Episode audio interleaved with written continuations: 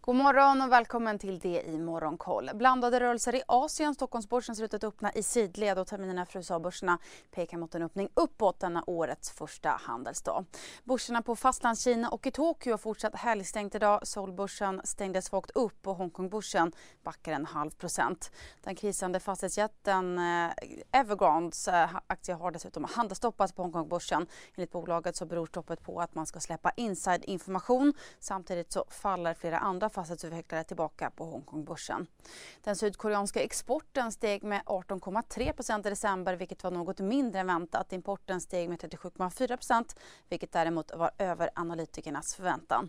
Marknaden fortsätter att hålla koll på den nya coronavarianten omikron som lett till nya eh, och rekordmånga smittade i Australien. Trots det så fortsätter den australiensiska regeringen med sina planer på att öppna upp. Samtidigt så har de två första dödsfallen till följd av omikron bekräftats i Sydkorea.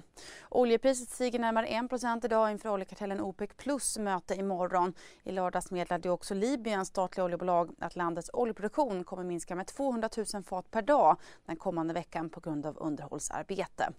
Och börserna på Wall Street stängde neråt årets sista handelsdag. Fredagsbiffandet backade svagt och teknik och Nasdaq var ner en halv procent. Totalt avslutade dock indexen året med uppgångar på 27 respektive 21 procent.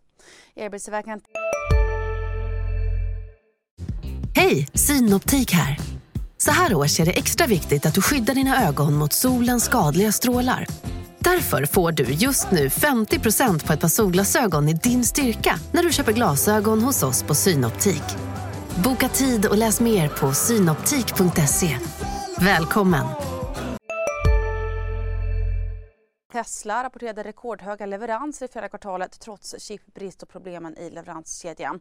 Totalt så levererade man 308 600 fordon vilket är en ökning med 70% jämfört med i fjol och med 30% jämfört med för två år sedan. Och Twitter har permanent stängt av den republikanska representanthusledamoten Marjorie Taylor Greene efter att hon vid upprepade tillfällen publicerat missvisande information om covid-19. Det är första gången som en kongressledamot stängs av permanent ifrån Twitter. Och så till Sverige. Sven Hagström och investmentbolag Creade skruvar upp värderingen för Instabox med nära 450 miljoner kronor efter en transaktion i bolaget eh, till 843 miljoner vilket motsvarar strax under 7% av det totala substansvärdet. Och Eolus Vind säljer batterilagerprojektet Kald på upp till 120 megawatt till IPA Power. Anläggningen kommer tas i kommersiell drift under 2024. Och så har Kenneth James Go som är vd för Deca Games som ingår i Embracer-koncernen sålt 800 000 aktier för närmare 75 miljoner kronor. Samtidigt så gjorde han en pantsättning på 332 700 aktier. Och Medicovers finanschef Joseph Ryan har sålt 4 000 aktier för 1,4 miljoner kronor. Idag så ser vi fram emot en rad industri-PMI från bland annat Swedbank Silf och USA.